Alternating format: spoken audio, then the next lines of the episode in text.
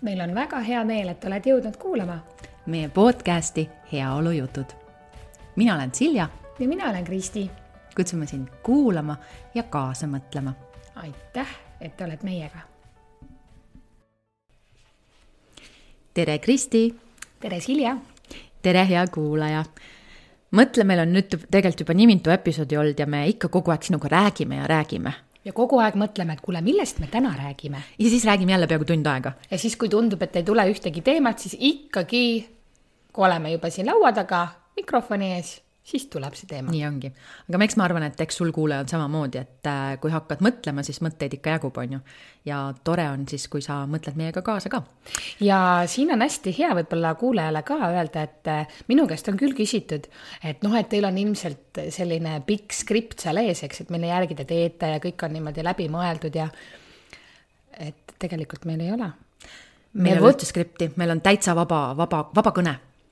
jaa ja nii ongi äge, meile sobib nii, sest me võtamegi neid äh, teemasid, mis parasjagu on äh, meie elus ja mis meile siis seda heaolu tekitab või siis seda võib-olla natukene kõikuma paneb. ja siit kohe, mul tuli kohe selline vahva teema täna, et kas stress on alati halb hmm.? tõesti vahva teema. no mis sina arvad, kas see stress on alati halb? See on selline muidugi selline juhtiv küsimus on ju, et kas et äh, mis selle stressiga mul tuli on? see teema sellepärast, et ähm, ma kuidagi tabasin iseennast siin lähipäevadel nagu mõtlemas ja mõtisklemas selle üle, et äh, et korraga mõtlesin, et appi, et mul on nagu selline stress tulnud peale, et nagu nii palju asju on teha ja üks ja teine asi ja ja siis ma võtan veel kogu aeg juurde ka, et noh, keegi küsib, kuule, kas asendada saad? Ja siis ma ütlen, et aa, no mul on enne seda on eksam, natukene paneme seda tundi lükkame edasi, no järgmine päev on kaks eksamit, no pole hullu, jõuab. et kõike jõuab, on ju. et kuule, äkki tõstame seda natuke seda tundi edasi, et siis ma jõuan teha küll, et sinna vahele ma sokutan, et seal oligi tund aega vaba, eks. Ja siis hakkasin mõtlema, aga miks ma nagu nii teen või et kas ma, ma korraks võtsin selle aja maha, et et kas see on nüüd nagu, kas mul on midagi halvasti, kas ma tunnen, kuidas ma ennast tunnen. ja siis ma mõtlesin, ma tunnen ennast hästi mm. ja mul on energiat ja ma teen seda hästi suure entusiasmiga. aga samal ajal veidi on vaata selline, et ma ütleks, et noh, kas sihuke ärevuse tunne veidi või ma isegi ei ütleks selle kohta stress, et minu jaoks stress pigem tähendab midagi sellist negatiivset, siis ma mõtlesingi, et küsin, kas stress alati on halb. et mhm. võib-olla hoopis ka nagu selline, sest kui me, me oleme rääkinud ju trennist ka, et trenn võib olla nii positiivne stress kui ka negatiivne stress, eks. ja, ja jõudsin enda koha pealt sellise tõdemuseni, et äh, mina saan asjad palju kiiremini tehtud, kui mul on veidi sellist positiivset siis stressi või ärevist, et on hästi palju teha. see on minu jaoks kuidagi pisut isegi üllatav. et äh, ma toon ühe näite. mul on olnud üle kolme kuu aega teha ära üks oluline test koolis. jah, ja täna oli tähtaeg. loomulikult ma tegin selle testi ära täna. noh no, kuigi mul oli ju kolm kuud aega, eks ja, ja noh, üldse see nädal on olnud väga selline kiire ja väga palju teha aga siiski mul on jumala okei okay olla, ma sain ta tehtud. et tundub, et kui mina võtan ennast, võtan endale palju asju ette, siis ma kuidagi teen nad palju kiiremini ära, et mulle on vaja seda. ja see oli minu jaoks selline isegi pisut üllatav mm.. sellepärast tuligi selline teema ka, et kuule, kas alati on stress halb mm.? ma võib-olla hakkan siis äh, sinu sellest tagumisest äh, jutu otsast nagu peale oma mõttega, et äh, ongi tegelikult ju kahte tüüpi inimesi selles suhtes, et ühtede jaoks on see, ütleme siis, kui me räägime stressist, siis noh, ütleme võib-olla praegusel hetkel siis seda, et kui palju teha, võtame pigem selle. ja siis arutame pärast selle stressi lahti, et, et ühte tüüpi inimesed, kui neil on palju teha, siis see tõmbab neil täielikult energia maha ja nad jooksevad lukku, sest et äh, on nii palju teha, et nad nagu põhimõtteliselt hakkavad ringiratast jooksma ja ei saa enam aru, millisest otsast liikuma ennast panna ja siis on teist tüüpi inimesed nagu sina, kelle jaoks see, et neil on kogu aeg mingi tähtaeg, tegelikult paneb nad kiiremini liikuma. ja siin ma võib-olla jagaks veel selle kaheks ka, et on vaata sellised inimesed, kes, kellele töötab see, et nad ise panevad endale tähtajad ja, ja nad liiguvad täitsa rahulikult sinna suunas, et jaa, mul on kolm, umbes kolm kuud aega selle eksamini, ma teen ise selle rahulikult nüüd varem ära ja olen tubli. ja siis on mõned inimesed, kelle jaoks on väline just nimelt see deadline ehk siis tähtaeg hästi oluline, mis sind liikuma paneb. ja ma arvan, et meie sinuga oleme need, need viimased, et kui on väljaspoolt antud tähtaeg, siis me teeme kasvõi noh, ongi täpselt, et äh, kui on vaja teha, siis kasvõi nui neljaks panen sinna, leian, leiutan tunni aega vahele. ma olen kindlasti see väline, sest ma isegi mõtlen niimoodi, et, et äh, mingisugune töö või test oli ka ja keegi oli nagu selle juba ära teinud ja küsis midagi selle kohta, meil on oma sihuke grupp ja siis mõtlesin, et appi, siin on ju veel nii palju aega, juba tegi ära, ta elab mingi paar kuud veel, juba aega, juba tegi ära, on ju, mhm, aega mhm. on ju veel mm. -hmm, just, just, jaa ja ma arvan, et sinu puhul ongi see, et kuna sul on see välimised äh, tähtajad panevad sind liikuma ähm, ja nad annavad sulle seetõttu energiat et äh, näe, nüüd mul on vaja teha ja see paneb nagu hammasratastele, valab nagu äh, õli tulle juurde, on ju, et sul on selline energia seal kogu aeg taga ja sa ei märkagi, et tegelikult see on stress. ja siis loomulikult võidki öelda, et see ei ole negatiivne. Nüüd samas, kui on keegi teine, kelle jaoks need sellised väljastpoolt pandud tähtajad tegelikult neid lukku tõmbavad, siis äh, just selline, et neil on palju teha, tõmbab neid kindlasti, nad ütlevad kohe selle peale, et mul on väga palju stressi. mõlemal on ju tegelikult palju stressi, on ju. et kumb see siis nüüd on? siit ongi see, et kumb tüüp sa oled ja kuidas sa ise seda tunned, et kas see stress on sinu jaoks positiivne või negatiivne. sest päeva lõpuks kõik on stress, on ju. seks on stress, söömine on stress, trenn on stress, jooksmine on stress, nagu kõik on stress, sest et äh, meie keha jaoks on see kõik stress ja meie aju jaoks on stress, aga aju oskab samas ka panna selle nagu piiri vahele, et kas on positiivne või negatiivne. ja see ongi see, et kuna sa oled ka seda positiivset tüüpi ja sinu jaoks see väljastpoolt, väljaspoolt paneb sind liikuma, siis see sinu jaoks on positiivne. ja vaata, me oleme ju varem ka neid asju arutanud, et mm -hmm. me mhm. ise anname need hinnangud. just, just, just. toon jälle ühe situatsiooni äh,, lähen mööblipoodi, pildi järgi pilt on väga suur, ilmatu suur, jõuad sellega autoni ja siis nagu selgub, et no mitte mingit pidi see pilt sinna autosse ära ei mahu. kiirelt tuleb ümber mõelda, et noh, kuidas nüüd saab, aga sul on põhimõtteliselt nagu kakskümmend minutit, mis sa oled arvestanud, et sa väga täpselt jõuad, kui sa lähed autoga, aga nüüd selgub, et autoga minna ei saa, sest pilt sinna ära ei mahu, on ju, tagasi ka poodi ei vii, eks.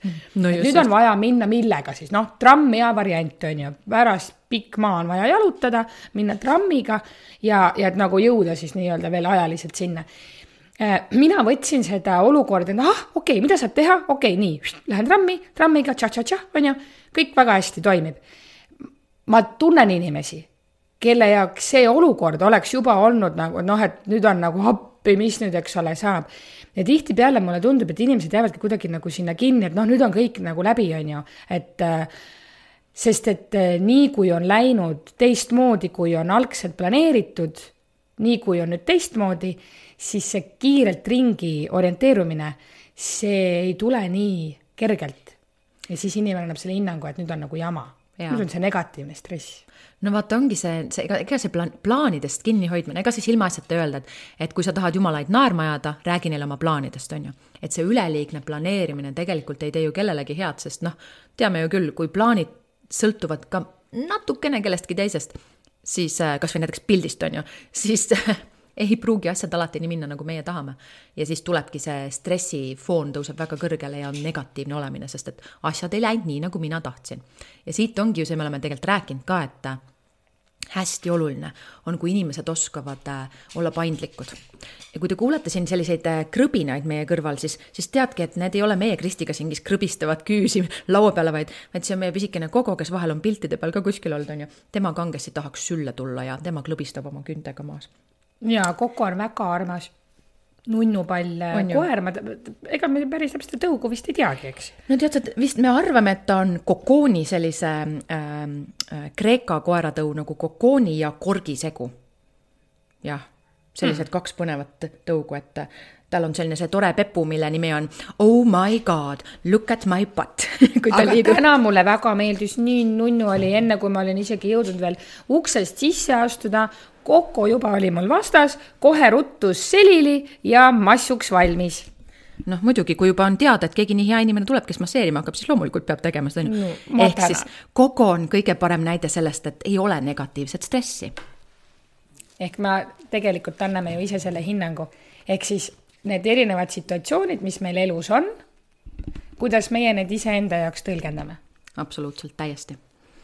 no kuidas siis äh, tõlgendada äh, neid olukordi siis ütleme siis äh, positiivsemas võtmes, mis on sinu sellised? Ja kusjuures ma pean Silja ütlema, et minu jaoks on üllatus, et sina tunned, et sinu jaoks ka need välised tähtajad panevad äh, sind liikuma, sest mulle kõrvalt on hoopis tundunud, et sa oled kuidagi nii nagu selles mõttes hästi struktureeritud, noh, struktureeritud ei tähenda nüüd sama, et see võiks ka olla need välised mm -hmm. tähtajad, aga ma pigem nagu oleks arvanud teistmoodi, et sa oled iseendale hästi pannud need tähtajad ja siis pigem olen mõelnud, oi, et vaata, et, et tahaks ka nagunii osata, on ju aitäh, no see oli nüüd küll nii ilus, kõrvalt vaadates tuli nii ilus Silja välja, aga ähm, ei, tegelikult on see, et jah, ma olen oma loomult täiesti selline tüüp, et mind panevad välimised deadline'id täiega, täiega elama ja tööle.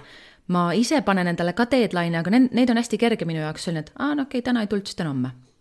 ja ma olengi selline nagu selles mõttes äh, noh, kergelt selline tüüp, kes on selline rahutooja tüüp ja mulle hästi sõlt-, sõltun nagu väga palju ka teistest inimestest. ja mulle tegelikult meeldib see näiteks ongi, et kui meie sinuga kokku lepime, siis ma tean, rahu nagu nui neljaks, aga meil on see deadline, me teeme seda.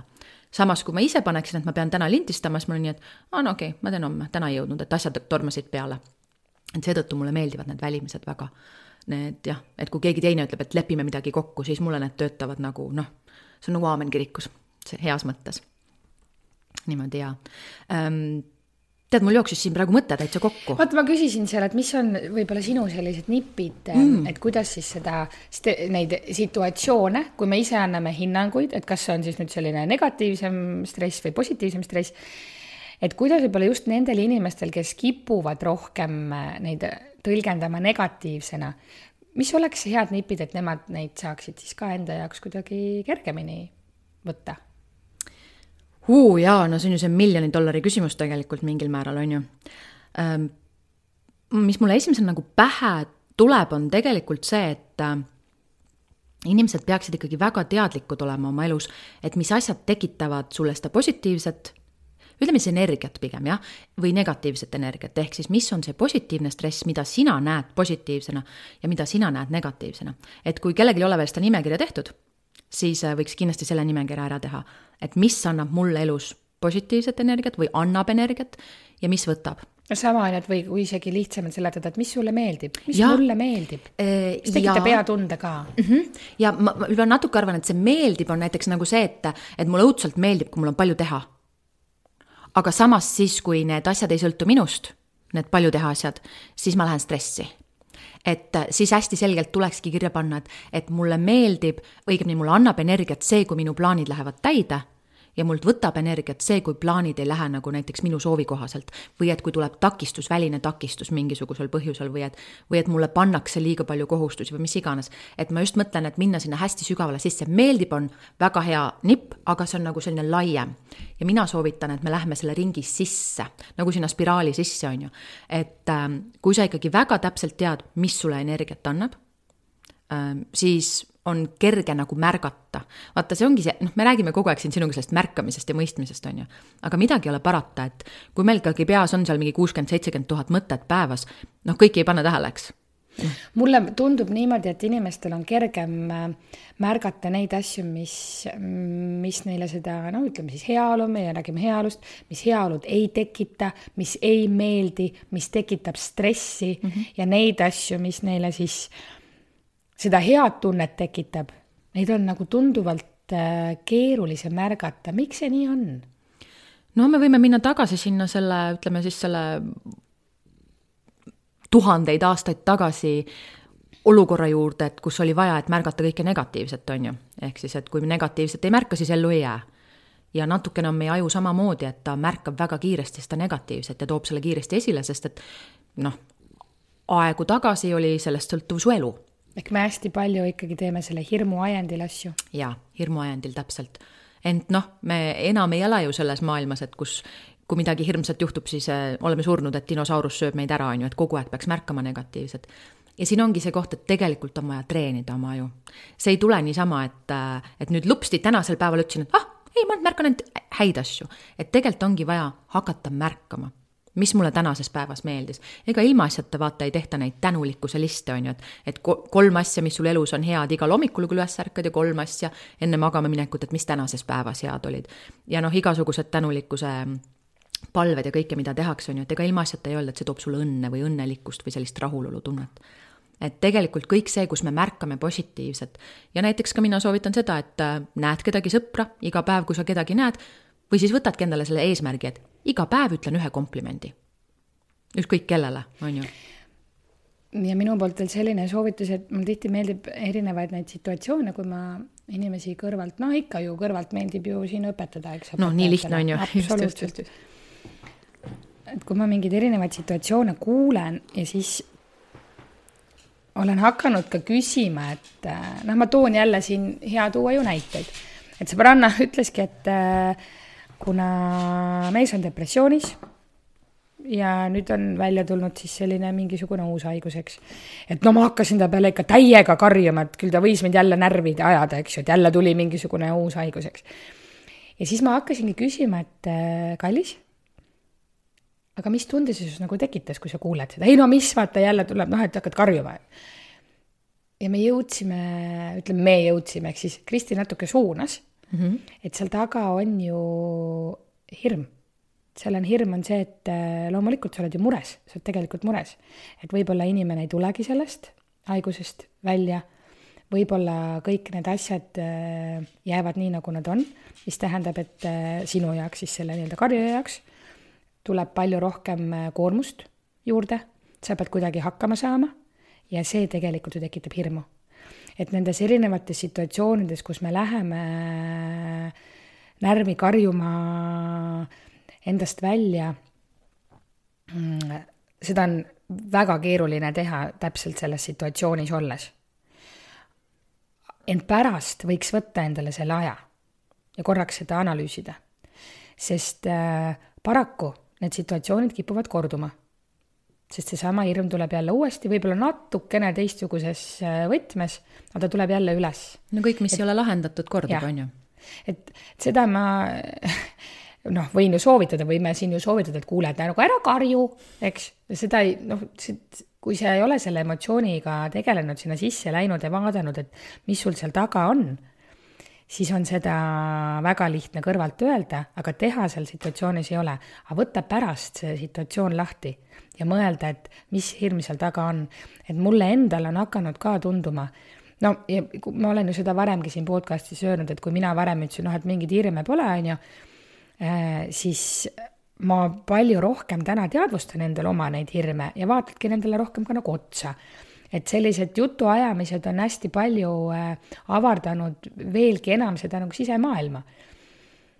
ja see on minu soovitus kindlasti ka teistele et kui on asjad, mis sind elus nagu närvi ajavad või, või stressi tekitavad, siis äh, võtta see hetk ja mõelda, et äh, mis hirm seal taga on.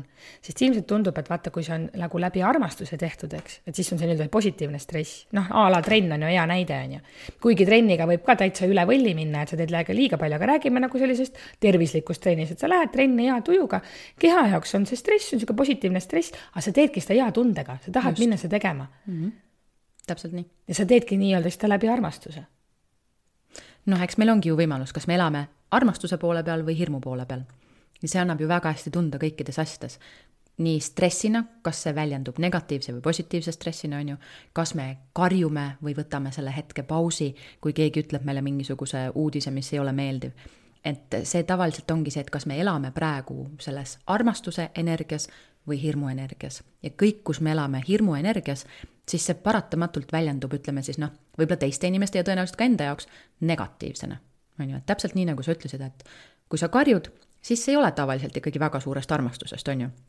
pigem on see hirmust midagi kaotada, et midagi muutub äh,, uus ja tundmatu, teadmatu hirm, jah, et mis, mis saab või et mis juhtuda võib et selle tõttu see on jah, väga hea soovitus pärast kindlasti see läbi mõelda enda jaoks ja siis, kui sa oled juba mõned korrad niimoodi pärast läbi mõelnud, siis kindlasti tekib see võimalus ka sel hetkel, kui sa nõndanimetatud tahaks karjuma hakata, siis korraks paned suu kinni ja hingad, võtad selle pausi, on ju.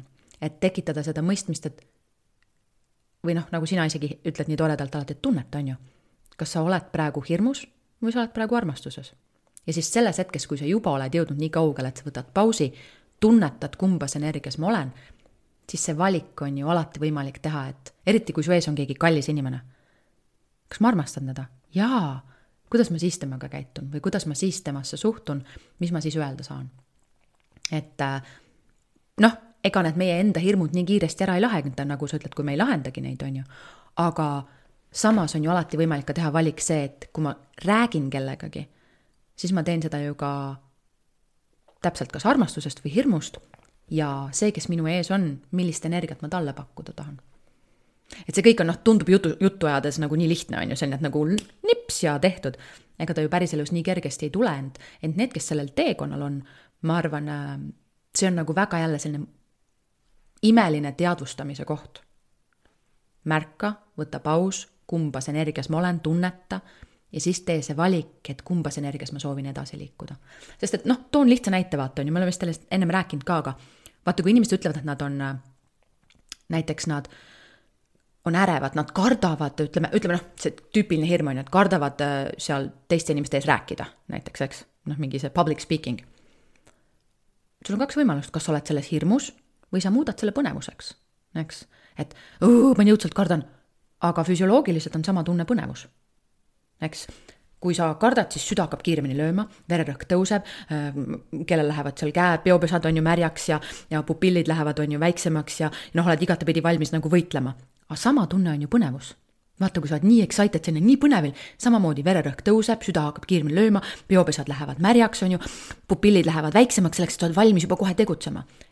aga mis muut-, muutub, muudab nagu seda, et kas sa oled kartuses või põnevuses? see, kuidas sa ütled seda endale jah, et jälle sa annad ise selle hinnangu sellele. täpselt, jah. aga tegelikult karta. tunne on täpselt sama, ka füsioloog, nagu füsioloogiliselt täpselt samasugused efektid on mm -hmm. su mhm. kehal, aga nüüd jälle, kuidas sina selle iseenda jaoks siis tõlgendad. just ja see on jälle nii oluline, sest et me ei saa ju seda muud moodi muuta, kui et me ei ole teadlikud. näe, kõik need tunnused on, et ma kardan. aga siis, kui sa saad sellest sabast kinni, ütled, tead mis, ma olen hoopis megapõnevil sellest, mis võib tulla. ja see muudab absoluutselt kõik, on ju siinkohal on hästi hea tuua see, ma, seda me oleme ka kuskil podcast'is rääkinud, aga võib-olla see oli nii ammu ja võib-olla just täna vaata, keegi kuulab, kes ei ole seda varem kuulnud, eks. Et äh, soovitatakse siis äh, hoida kaks minutit, enne kui sul on äh, hirm näiteks esinemise ees, siis kaks minutit hoiad niisugust võidukat poosi, no näiteks seistes, käed kõrval ja kaks minutit ja kõik jäitsid meelde kaks minutit ja siis sa oled kohe tunduvalt enesekindlam ja seda on tõestatud kohe lausa teaduslikult mm. -hmm. nii et äh, nii on. nii on ja, ja see on see hästi põnev vaata, et äh, meie füsioloogia, nagu me oleme kogu aeg rääkinud, et see keha aitab nii palju muuta, on ju et see samamoodi, see füsioloogia annab sulle märku, aga sina valid, et mis ma nüüd siis sellega teen, on ju, ja see võitja poos on väga äge poos tegelikult. ja tegelikult ka teistpidi mm. -hmm ka siis, kui sa oled, ütleme, no kägarast niimoodi hoiad mm, -hmm. tead, hirmuasendit hoiad kaks minutit, siis täpselt samamoodi sa oledki läinud nii-öelda sinna hirmu tasandile rohkem. jah, jah et jah, väga märgata, mis me oma kehaga teeme, on ju, et kui on, on hirm, kas sa tõmbad ennast kokku või vastupidi, lükkad rinna ette ja kas käed kõrvale või käed üles, on ju, et teate küll Supermani asendit, on ju üks käsi üles selline võitjalikult äh, või kuidas iganes. ja kui ka on hirm, aga sa tahad teisi ära petta mm, -hmm. siis võta kohe eriti bossilik poos. sisemiselt värised, aga väliselt oled selline korralik boss mm. -hmm. ja see muudab ka sinu enesetunnet, on ju, ja arusaama jällegi, et see noh, nii ta on mitte midagi ei ole parata, ega me siis üleöö ei muuda oma füsioloogiat, on ju, ent me saame noh, kõi-, kuigi see ei ole väga lihtne, siis tegelikult üleöö on võimalik muuta seda, kuidas sa ennast tunned. lihtsalt sellega on vaja tööd teha et noh, see ei tule ka niimoodi, et ah, mis, mina ei tea midagi, ah, muutus. et noh, tegelikult me peame sinna panema pisut energiat ja, ja sellega tegutsema, on ju. ja kui kõik äh, teeksid kõiki asju kogu aeg nii-öelda siis noh, ma ütleks siis õigesti või siis ju ei oleks ju vaja üldse heaolujutte ja no. treenereid ja õpetajaid, e, nii et äh.... mõtle, kui eba, ebahuvitav siis oleks. absoluutselt. kõik kogu aeg teevad ühtemoodi, ainult nii perfektselt ja mitte mingisugust muutust nagu selles mõttes ei ole, et kuskil õppimisvõimalusi, midagi ei ole, nii et, et selles mõttes on mega äge, et me, me kõik suudame nõndanimetatud tasakaalust välja kukkuda, et siis astuda jälle uus samm sinna tasakaalu poole. ja kogu aeg õpid ja naudidki seda teekonda mm. -hmm, mm -hmm.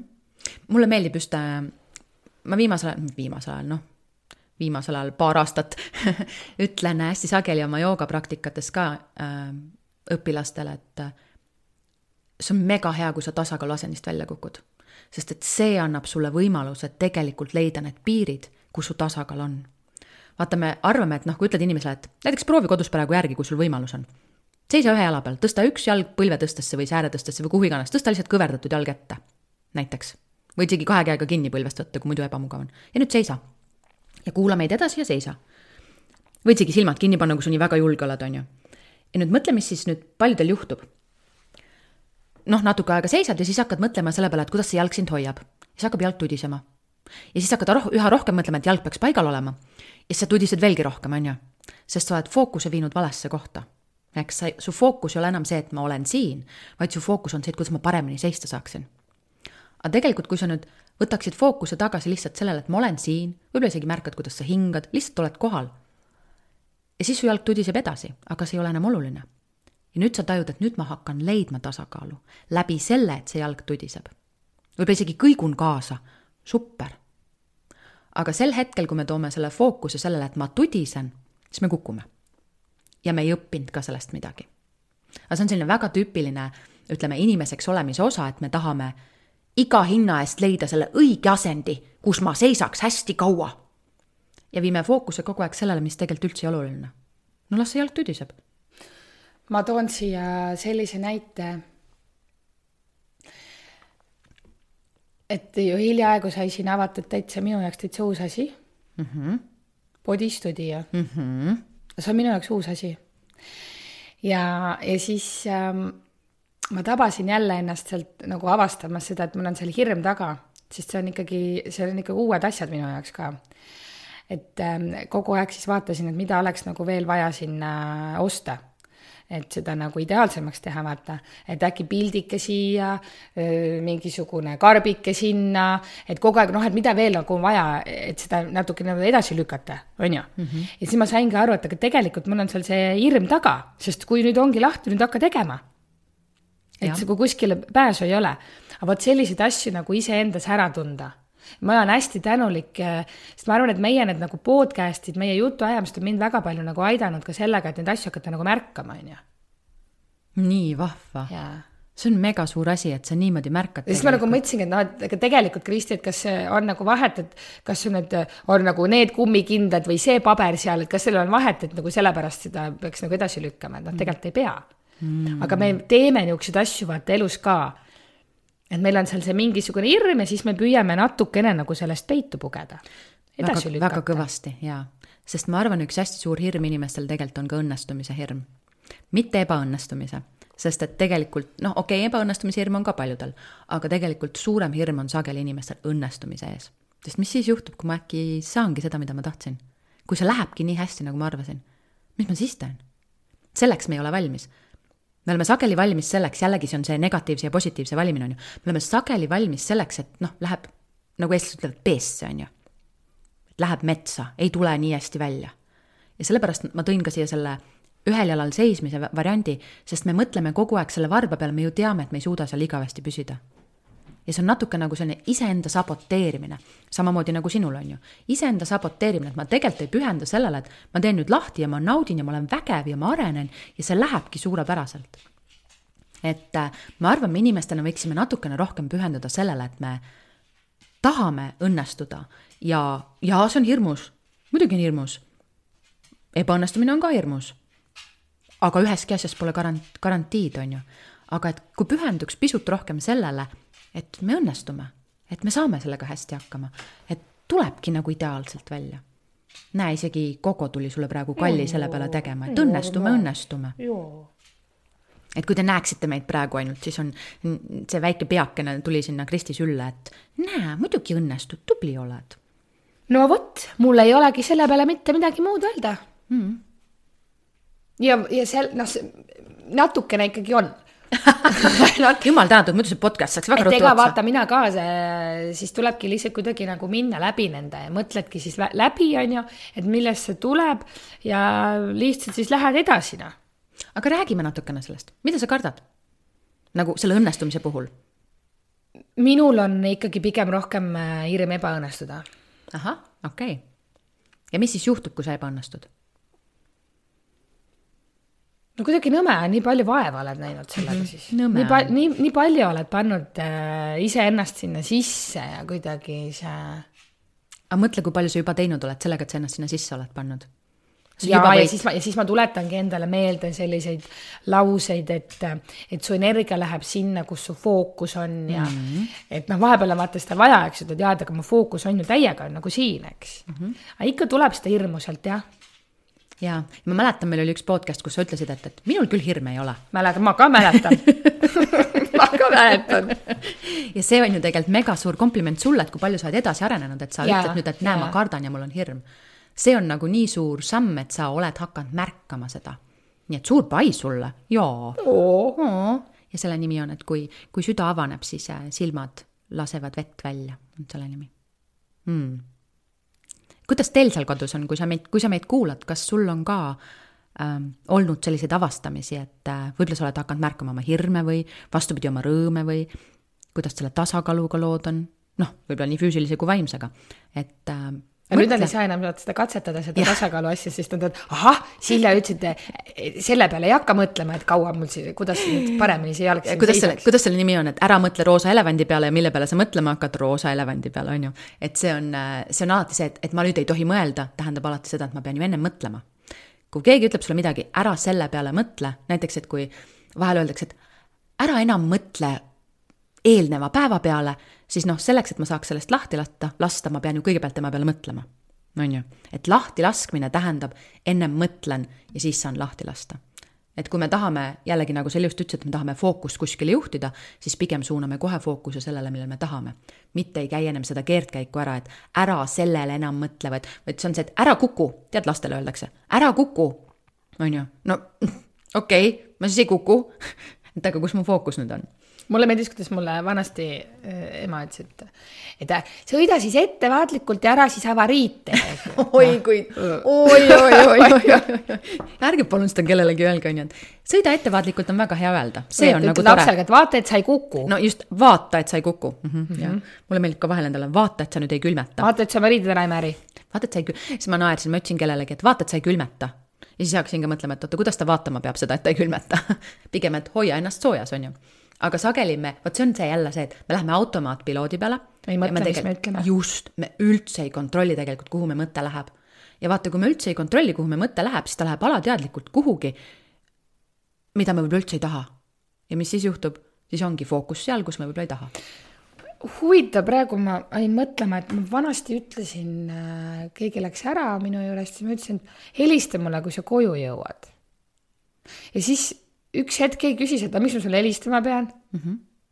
siis ma jäin mõtlema, et no ilmselt nagu tahan teada, millal jõudsid, aga see oli minul täiega olnud selline automaatpiloodi peal. kas sellest ei võinud tulla, et sa tahtsid lihtsalt teada, et ta jõudis õnnelikult koju ja kõik läks hästi nagu, et ta on. noh, see oleks nagu selline mul praegu ilus vastus öelda. aa, okei okay. mm. -hmm. ja, ja noh, no loomulikult siis ma kuidagi jõudsin selleni, et sellepärast tahaks ju teada lihtsalt seal tuligi välja, et äh, temal ei olnud nagu hirmu ja, ja minul tegelikult ka ei ole olnud sellega kunagi hirmu, aga see oli kuidagi niimoodi automaatselt äh, mul kaasa võetud hmm. kelleltki teiselt, eks ju mm. -hmm. et äh, noh, et helista siis, kui koju jõuad, sest ilmselgelt see inimene, kes hakkas rääkima, et temal võib-olla oli siis nagu kuidagi hirm ja ma mm, -hmm. ma näen neid äh, ka oma tuttavate pealt äh, no näiteks lähed, ma ei tea, no tead, naised, no võib-olla mm, -hmm. no meestel ilmselt nii ei ole, läheb kellelegi kohtingule, eks ole, ütleb, et kuule, et näed, annan sõbrannadele teada, et, et ma ütlen teile, kus ma lähen, et igaks juhuks on ju, et mine tea, mis võib juhtuda ja siis mina mõtlesin, kui mul niisugune kohtingute periood oli, mul tulnud isegi selle peale, et ma kellelegi teada annan, kus ma lähen, no mis ikka juhtuda saab mm.. et mul ei olnud nagu peas seda, et, et, et midagi võiks juhtuda mm. -hmm. aga mõned vaata mõtlevadki nii, et aga äkki võib juhtuda see või see või see, et noh, ma igaks juhuks nii-öelda mm -hmm. safe zone on ju.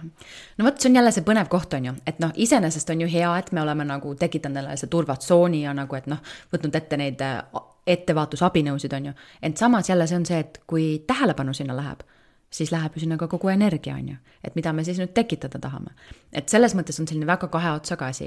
et ma, mina olen sinuga sada protsenti nõus, kui minul oli selline hull date imisperiood, ja see isegi ei olnud Eestis, on ju, mis on suhteliselt selline vaikne ja rahulik koht. et siis äh, mina ka mitte kellelegi teada ei andnud, kus ma läksin, minu arust mul ei olnud kordagi mõttes, midagi võib juhtuda. sest et ma usaldasin, et mulle, mul on olemas, mul on tore õhtu ja mul läheb kõik hästi ja, ja nii oligi ent, äh, ent ma saan ka aru loomulikult nendest naisterahvastest, kes noh, igaks juhuks teevad seda ettevaatusabinõud aga samas jah, jällegi, et kuhu siis sa oma tähelepanu paned. see on nagu hästi oluline koht, et võib-olla kui teha seda niimoodi, et ja kui te kuulsite ptšuh, siis see oli väike kogo, kes ütles, et miks sa ei paita mind, väga nõme. Et äh, see on koer, kellel on iseloom, vaata, et ta annab alati just, märku, kui midagi ei sobi ja siis käib alati nii, nõme, et sa ei tee nii. Ent äh, kui tagasi tulles selle juurde, et kui sa tunned, et igaks juhuks on vaja ette võtta need ettevaatusabinõud, siis tee seda, ent pärast seda pühenda kogu oma energia sellele, et kuidas sa tahad, et asi tegelikult läheb. on ju, et nagu ära tee seda sellise kartusega neid ettevaatusabinõusid, vaid pigem see, et tead, ma igaks juhuks annan sulle märku lihtsalt, kus ma lähen, on ju, et noh, kõik on hästi loomulikult, aga lihtsalt, et sa teaksid ja siis pühenda oma energia sellele, et näe, ma soovin, et mul tuleks imeline õhtu ja proovidagi hakata ka märkama ka jälle neid, kus me nende autopiloodi peal oleme ja kas neid ikka päriselt nagu vaja on ja et äh, väga paljud asjad, äh, ma usun, et äh, meie generatsioonil, sest ilmselgelt meie kuulajad on enam-vähem seal meie kanti, võib-olla natukene vähem, natukene rohkem, eks.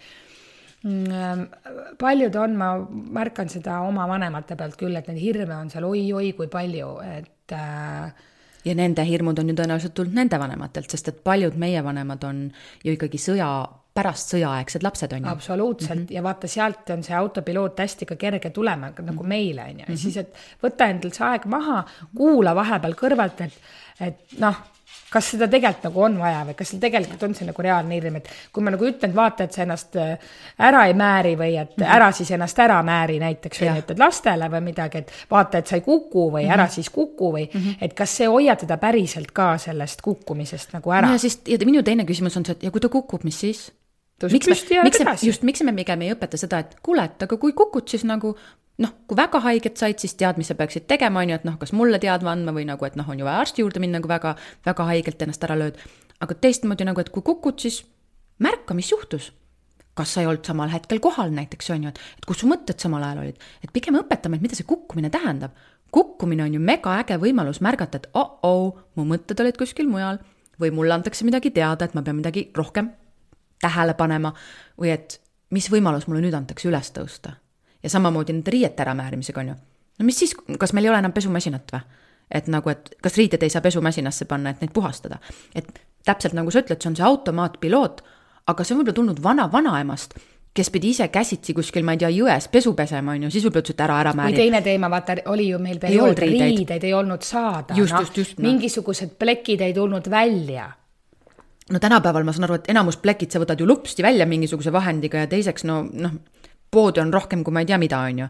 et äh, küll sa selle uue, uue püksi või pluusi saad ja samas nagu kui kogu aeg pead mõtlema selle peale, et sa ei tohi midagi teha, sellepärast et riided oleks terved või puhtad, no see ei ole ju ka võib-olla siis äh, see väärtus, mida me tahame inimestele õpetada, et riided on olulisemad kogemustest või elamustest või inimestest. et selle tõttu jah, see, võib-olla tänane ongi meil see suur mõte nagu selle mitte olla automaatpiloodi peal ja tegelikult jälgida, et mida me seal automaatpiloodi peal siis kõike ütleme ja iseendale ja ka teistele. et kuidas see meid tegelikult ennast tundma paneb ja, ja et kuidas teistmoodi võimalik on.